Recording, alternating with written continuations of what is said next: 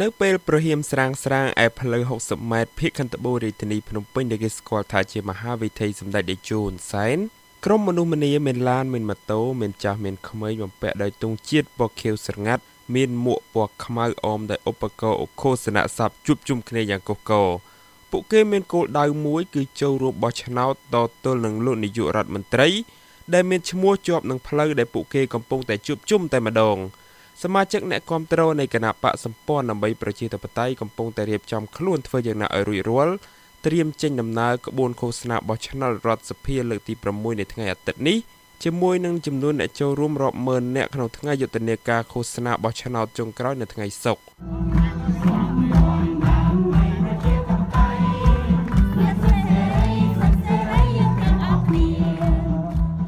គណៈបកសម្ព័ន្ធដើម្បីប្រជាធិបតេយ្យជាគណៈបកមួយក្នុងចំណោមគណៈបកនយោបាយទាំង20ដែលនឹងចូលរួមការបោះឆ្នោតនៅថ្ងៃអាទិត្យនេះស្វះស្វែងរកការប្រជែងនឹងគណៈបកប្រជាជនកម្ពុជានិងលោកនាយករដ្ឋមន្ត្រីហ៊ុនសែនដែលកាន់អំណាចយូរឆ្នាំនៅកម្ពុជា ជាគណៈបកស្ថិតក្នុងការគ្រប់គ្រងប្រទេសតាំងពីឆ្នាំ1979មកគណៈបកប្រជាជនកម្ពុជាប្រហែលជាមិនពិបាកក្នុងការក្រសោបយកជ័យជំនះភ្លុកទឹកភ្លុកដីក្នុងថ្ងៃអាទិត្យនេះឡើយ។ ការប្រមាលមើលយ៉ាងជាក់ច្បាស់អំពីជ័យជំនះនេះមានតាំងតែពីខែវិច្ឆិកាឆ្នាំ2017ពេលដែលតុលាការកំពូលបានសម្រេចឲ្យរដ្ឋាភិបាលគណៈបកប្រជាជនកម្ពុជាឈ្នះក្តីក្នុងបណ្ដឹងរំលាយគណៈបកសង្គ្រោះជាតិដែលជាគូប្រជែងនយោបាយដ៏ធំបំផុតរបស់ខ្លួននៃការបោះឆ្នោតពីរលើកចុងក្រោយបង្អស់ក្នុងឆ្នាំ2013និងឆ្នាំ2017គណៈបកសង្គ្រោះជាតិបានទទួលរងការចោទប្រកាន់ថាបានខົບខិតនឹងរដ្ឋការនានារបស់សហរដ្ឋអាមេរិក រៀបចំគម្រោងការផ្លាស់ប្តូររបបនៅទីក្រុងភ្នំពេញ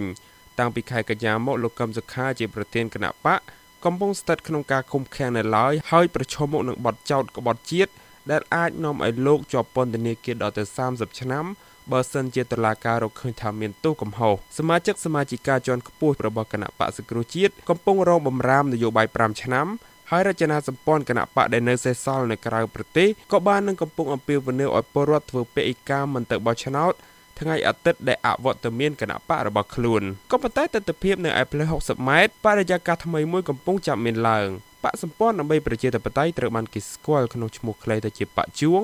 ឬសម្ព័ន្ធអ្នកគ្រប់គ្រងនឹងមេដឹកនាំគណៈបកប្រមាណ70000នាក់បានចេញមកហែកក្បួនឃោសនាថ្ងៃចុងក្រោយកាលពីថ្ងៃសុក្រ ក្នុងក្តីសង្ឃឹមថាអាចនឹងពង្រីកទំហំចលនានយោបាយនិងទូនាទីរបស់ខ្លួនបន្ថែមទៀតក្រោយពីការបោះឆ្នោតនៅថ្ងៃអាទិត្យឃ្លាថាសម្ព័ន្ធធំហើយត្រូវបានគេបោះពុំលើផ្ទាំងឃោសនាមួយចំនួននៅឯក្បួនយុទ្ធនាការហើយក៏ជាពាក្យពេញនិយមមួយដែលអ្នកគ្រប់គ្រងគណៈបកមួយនេះប្រើនៅលើបណ្ដាញទំនាក់ទំនងសង្គម Facebook ផងដែរសម្ដៅលើការរីកធំធាត់នៃទំហំចលនានយោបាយមួយនេះនារាត្រីមុនយុទ្ធនាការចូលមកដល់លោកខំវាសនា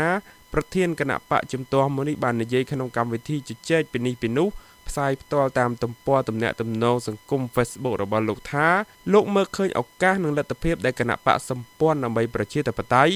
អាចពង្រីកវិសាលភាពនៃទូនាទីនយោបាយរបស់ខ្លួនហើយលោកថានេះជាការផ្លាស់ប្ដូរជាប្រវត្តិសាស្ត្រនិងជាចំណុចរបត់នយោបាយរបស់គណៈបកមួយនេះ។ ក្នុងការហែកក្បួននៅភ្នំពេញនៅថ្ងៃសុក្របន្ទាប់ពីគណៈបកប្រជាជនកម្ពុជាបានប្រមូលផ្ដុំអ្នកគាំទ្រប្រមាណ25ម៉ឺននាក់គណៈបកសម្ព័ន្ធដើម្បីប្រជាធិបតេយ្យបាននៅលំដាប់ទី2នៃចំនួនអ្នកគាំទ្រ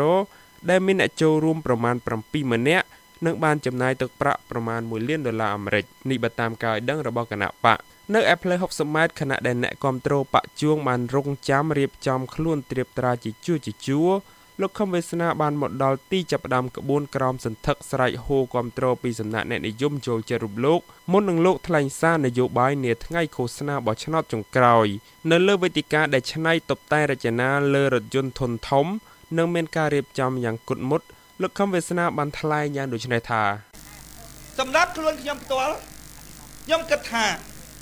អាណត្តិហ្នឹងណាយើងវាយយកទីឈរអាណត្តិហ្នឹងយើងវាយយកទីឈរ យក4 10 20កៅអីអីអញ្ចឹងទៅតែយើងបានទីឈរហើយសំលេងប្រឆាំងអាណត្តិក្រោយ ចាប់ដើមគិតមករកកន្លែងមូលគ្នាលោកខំវាសនាក៏បានបន្ថែមដែរថាអញ្ចឹងបើសិនណាជាយើង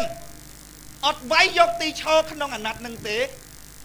យើងត្រូវវាយយកទីឈរក្នុងអាណត្តិក្រោយ យើងយឺតមកពេលយើងយឺត5ឆ្នាំណាន អ្នកនយោបាយជំទាស់រូបនេះបានលើកឡើងពីជំនឿជឿជាក់របស់លោកថាសម្លេងជំទាស់នឹងគណៈបកប្រជាជនកម្ពុជាក្នុងចំណោមអ្នកបោះឆ្នោតមានច្រើនជាងចំនួនអ្នកគ្រប់គ្រងតែលោកថាសម្លេងប្រឆាំងទៅនោះស្ថិតនៅបែកខ្ញែកក្នុងចលនានយោបាយផ្សេងផ្សេងពីគ្នាការបោះឆ្នោតដែលមជ្ឈដ្ឋានជាតិនិងអន្តរជាតិមួយចំនួនជឿថាមានភាពចម្រុងចម្រាសបានទទួលការចាប់អារម្មណ៍ជាខ្លាំងពីសំណាក់បណ្ដាសារព័ត៌មានឃោសនាមហាជនធំៗរបស់ពិភពលោក កាសែត New York Times កាលពីខែនេះបានចុះផ្សាយអំពីបកតូចតូចដែលចូលរួមក្នុងការបោះឆ្នោតលើកនេះដែលកាសែតនេះបានហៅថាជាបកអំពិលអំពែកលេចមុខតែពេលបោះឆ្នោតតែនេះមិនមែនជាករណីរបស់បកជួងឡើយលោកខំវាសនាដែលឆ្នាំនេះមានវ័យ52ឆ្នាំនិងជាអតីតតារាភាពយន្តធ្លាប់ជាអ្នកតំណាងរាជមណ្ឌលព្រៃវែងមកពីគណៈបកសំរងស៊ី ក្នុងការបោះឆ្នោតជាតិឆ្នាំ2003តែក្រោយមកបន្ទាប់ពីមានការខ្វែងគំនិតនិងសហការីលោកក៏បានចេញមកបង្កើតគណៈបកនយោបាយមួយដោយខ្លួនឯងនៅអំឡុងឆ្នាំ2005និងឆ្នាំ2006ចាប់តាំងពីពេលបង្កើតមកដំណើរនយោបាយរបស់គណៈបកសម្ព័ន្ធដើម្បីប្រជាធិបតេយ្យត្រូវបានគេស្គាល់ជាទូទៅនិងត្រូវបានមេដឹកនាំអ្នកគ្រប់គ្រងគណៈបកបញ្ជាក់ថាមានគោលដៅកសាងមាតុភូមិមួយដែលពលរដ្ឋមានសិទ្ធិស្មើគ្នាក្នុងភាពជាម្ចាស់ ជាមួយនឹងយន្តការ8ចំណុចក្នុងការយកអំណាចមកឲ្យប្រជាជន តាមរយៈកំណែតម្រង់កាត់បន្ថយអំណាចរដ្ឋនិងអ្នកមានអំណាចជាចលនានយោបាយប្រឆាំងមួយក្នុងអំណាចដឹកនាំជាបន្តបន្ទាប់និងប្រកបដោយឥទ្ធិពលរបស់លោកនាយករដ្ឋមន្ត្រីហ៊ុនសែនដែលស្ថិតក្នុងអំណាច33ឆ្នាំមកហើយគណៈបកសម្ព័ន្ធដើម្បីប្រជាធិបតេយ្យបានប្រកាសនាពេលកន្លងមកថាឬគល់នៃបញ្ហានៅកម្ពុជាគឺអំណាចប្រមូលផ្ដុំជុំវិញបុគ្គលនយោបាយ នៅស្ថាប័ននយោបាយមួយចំនួនទូចគណៈបកនយោបាយមួយនេះបានមានវត្តមានរៀបចំវេទិកាសាធារណៈជាច្រើនសន្ធឹកសន្ធាប់នៅស្ទើរតែគ្រប់ទិសទីប្រមូលយកការគ្រប់គ្រងលើទស្សនវិជ្ជានយោបាយរបស់ខ្លួន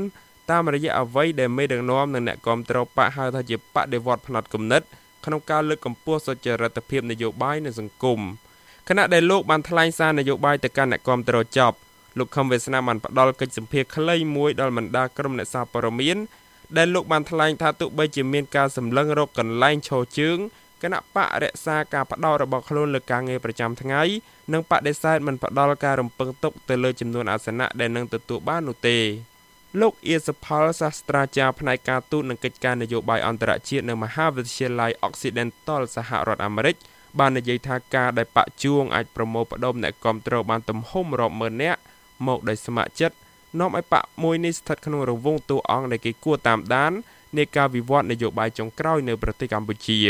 នៅពេលត្រូវបានសួរអំពីជំនឿចិត្តថាបក LDP អាចនឹងជាគណៈបកជំទាស់មួយដ៏ពិតប្រាកដក្នុងឆាកនយោបាយកម្ពុជាដែរឬទេអ្នកស្រាវជ្រាវរូបនេះបានប្រាប់ VOA តាមសារអេឡិចត្រូនិកក្នុងន័យដើមយ៉ាងដូចនេះថា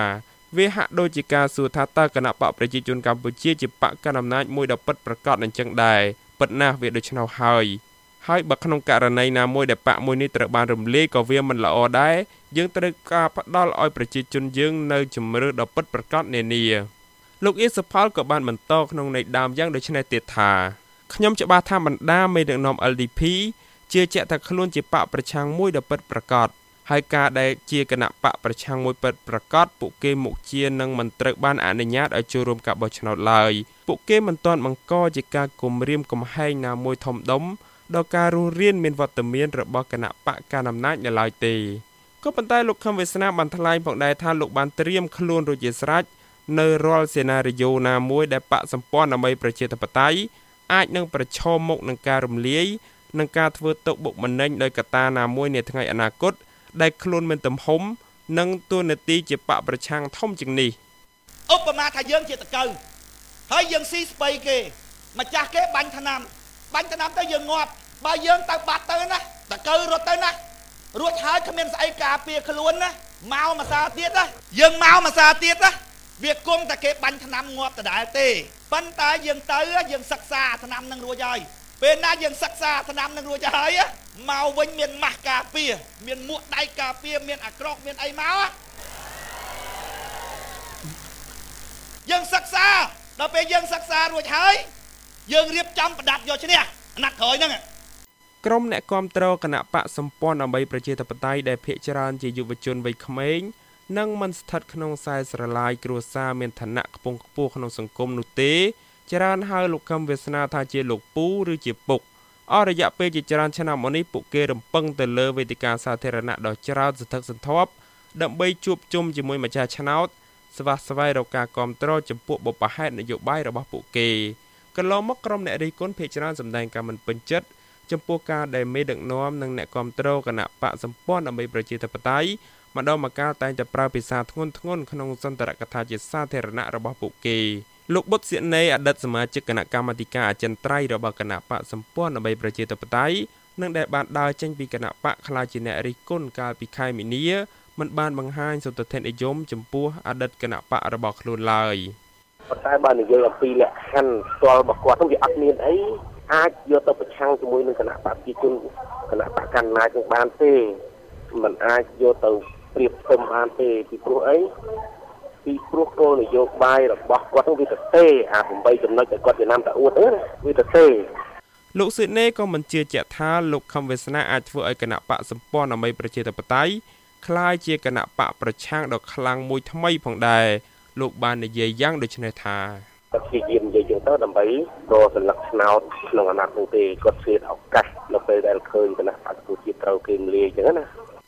ទោះជាយ៉ាងណាក៏ដោយអ្នកគ្រប់គ្រងគណៈបកសម្ព័ន្ធដើម្បីប្រជាធិបតេយ្យបានយល់ឃើញផ្សេងពីនេះតួយ៉ាងក្នុងជួរអ្នកគ្រប់គ្រងគណៈបកនេះមានយុវជនវ័យប្រមាណ26ឆ្នាំមួយរូបដែលសុំមិនបញ្ចេញអត្តសញ្ញាណជាសាធារណៈព្រោះគាត់មានទួនាទីនិងមុខងារក្នុងស្ថាប័នរដ្ឋបានឲ្យដឹងថាលោកជាអ្នកគ្រប់គ្រងនិយមកណ្ដាលហើយជឿជាក់ ពេញបេះដូងចំពោះគោលនយោបាយគណៈបកមួយនេះលោកបានប្រាប់ VOA ក្នុងន័យដើមយ៉ាងដូចនេះថាចំពោះខ្ញុំបើទោះបីជាគណៈបកនេះគ្មានវត្តមានលោកខំវាសនាជាមេដឹកនាំនៅថ្ងៃណាមួយក៏ដោយក៏គណៈបកទាំងមូលនៅតែបន្តរស់រានជាក់ស្ដែងគណៈបកនេះមានមនោគមវិជ្ជារបស់ខ្លួន ហើយមនោគមវិជ្ជានេះមិនស្លាប់នោះទេអ្នកគ្រប់គ្រងរូបនេះចូលជាសមាជិកគណៈបកសម្ព័ន្ធដើម្បីប្រជាធិបតេយ្យកាលពីឆ្នាំ2009 ដោយលោកថាគណៈបកនេះនាំឲ្យលោកស្គាល់ក្រុមមនុស្សល្អដែលមានចិត្តដូចគ្នា លោកបានបន្តក្នុងន័យដើមយ៉ាងដូចនេះទៀតថា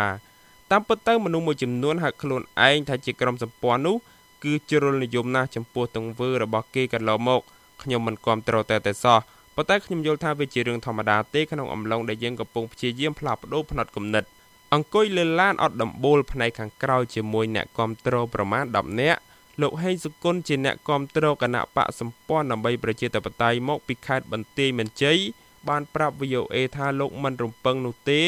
ថាបានមកឃើញមនុស្សម្នាមកចូលរួមយ៉ាងច្រើនដូចនេះព្រោះលោកតែងតែលើកថាគណៈបកសម្ព័ន្ធដើម្បីប្រជាធិបតេយ្យជាក្រុមគណៈបកតូចតែប៉ុណ្ណោះលោកហេងសុគន្ធបានថ្លែងយ៉ាងដូចនេះថាយើងចង់ឲ្យគិតឃើញថាវាមិនមែនជាតូចតាចទេមានអ្នកគ្រប់គ្រងច្រើន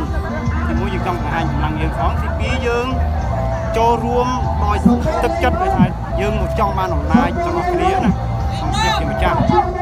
លោកសុគន្ធបានចាប់ផ្ដើមគ្រប់គ្រងគណៈបកសម្ព័ន្ធដើម្បីប្រជាធិបតេយ្យអំឡុងពេលបោះឆ្នោតជ្រើសរើសឃុំសង្កាត់ឆ្នាំ2017កន្លងមក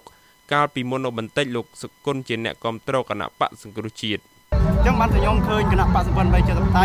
ទីមួយអេរយាបតបកិតសំស្របក្នុងការធ្វើទីពីរទៀតយើងមើលឃើញថាអ្នកចូលរួមអត់មានគ្រោះថ្នាក់ផងចង់និយាយចេះ នៅក្នុងគណៈនេះណាដោយឡែកលោកខាត់ឋានវ័យ55ឆ្នាំជាពលរដ្ឋមកពីខេត្តកំពង់ស្ពឺ បានគ្រប់គ្រងគណៈបកសម្ព័ន្ធដើម្បីប្រជាធិបតេយ្យអស់ជាង10ឆ្នាំមកហើយលោកខាត់ឋានដែលមើលទៅហាក់ដូចជាអ្នកគ្រប់គ្រងដ៏សស្រាក់សស្រាំមួយរូបដែលនិយាយផងបញ្ចេញកាយវិការយ៉ាងរស់រវើកផង លោកបានឲ្យដឹងថាក្រុមគ្រួសាររបស់លោកធ្លាប់ប្រកាន់ថាលោកគ្រប់គ្រងគណៈបកមួយ ដែលចេះតែស្រែកស្រែកអំពីរឿងពុំមានប្រយោជន៍តែលោកហាក់រីករាយទៅវិញដែលបច្ចុប្បន្នក្រុមគ្រួសាររបស់លោកបានចូលរួមជាមួយរូបលោកក្នុងការគ្រប់គ្រងគណៈបកមួយនេះសំខាន់សំខាន់យើងត្រូវតែស្ដាប់ព្រោះចំណេះដឹងពេលទាំងឡាយត្រូវចូលតាមតិចមុនណាបងណាត្រូវទីសំខាន់ត្រូវស្ដាប់សិនត្រូវតកាលណាស្ដាប់ហើយបានដឹងហើយបានដឹងបានពិចារណាបានដឹងអ្នកខុសត្រូវលោកខាត់ឋានក៏ជឿជាក់ដែរថាគណៈបកមួយនេះនឹងផ្ដល់អំណាចដល់ប្រជាពលរដ្ឋសាមញ្ញដូចជារូបលោកហើយឥឡូវគេឲ្យស្រង់យើងឲ្យកម្លាំងយើងតែអំណាចគេអត់ឲ្យទេអំណាចជាប្រភពនៃបាយបាយទាំងអស់អាណាត់នេះឃើញថាសម្ព័ន្ធដូចផុសផុលបងប្រហែលគេបានស្ដាប់ច្រើនមិនដឹងយ៉ាងម៉េចទេខ្ញុំក៏បានដែរណាឃើញផុសផុលក្នុងអាណាត់នេះឃើញចំណែក គណៈបកសម្ព័ន្ធដើម្បីប្រជាធិបតេយ្យបានទទួលសម្លេងគាំទ្រប្រហាក់ប្រហែលគ្នាក្នុងការបោះឆ្នោតសភាឆ្នាំ2008និងឆ្នាំ2013ពលគឺបានសម្លេងឆ្នោតប្រមាណ68,000សម្លេងក្នុងមួយលើកមួយលើកតែសម្លេងគណៈបកមួយនេះបានកើនឡើងដល់120,000សម្លេងក្នុងការបោះឆ្នោតឃុំសង្កាត់ឆ្នាំ2017កន្លងទៅរាយការណ៍ពីរាជធានីភ្នំពេញខ្ញុំអូនឆេងប៉ជាមួយនឹងកញ្ញាខាន់សុគមមនោនិងលោកគីមីងលី VOA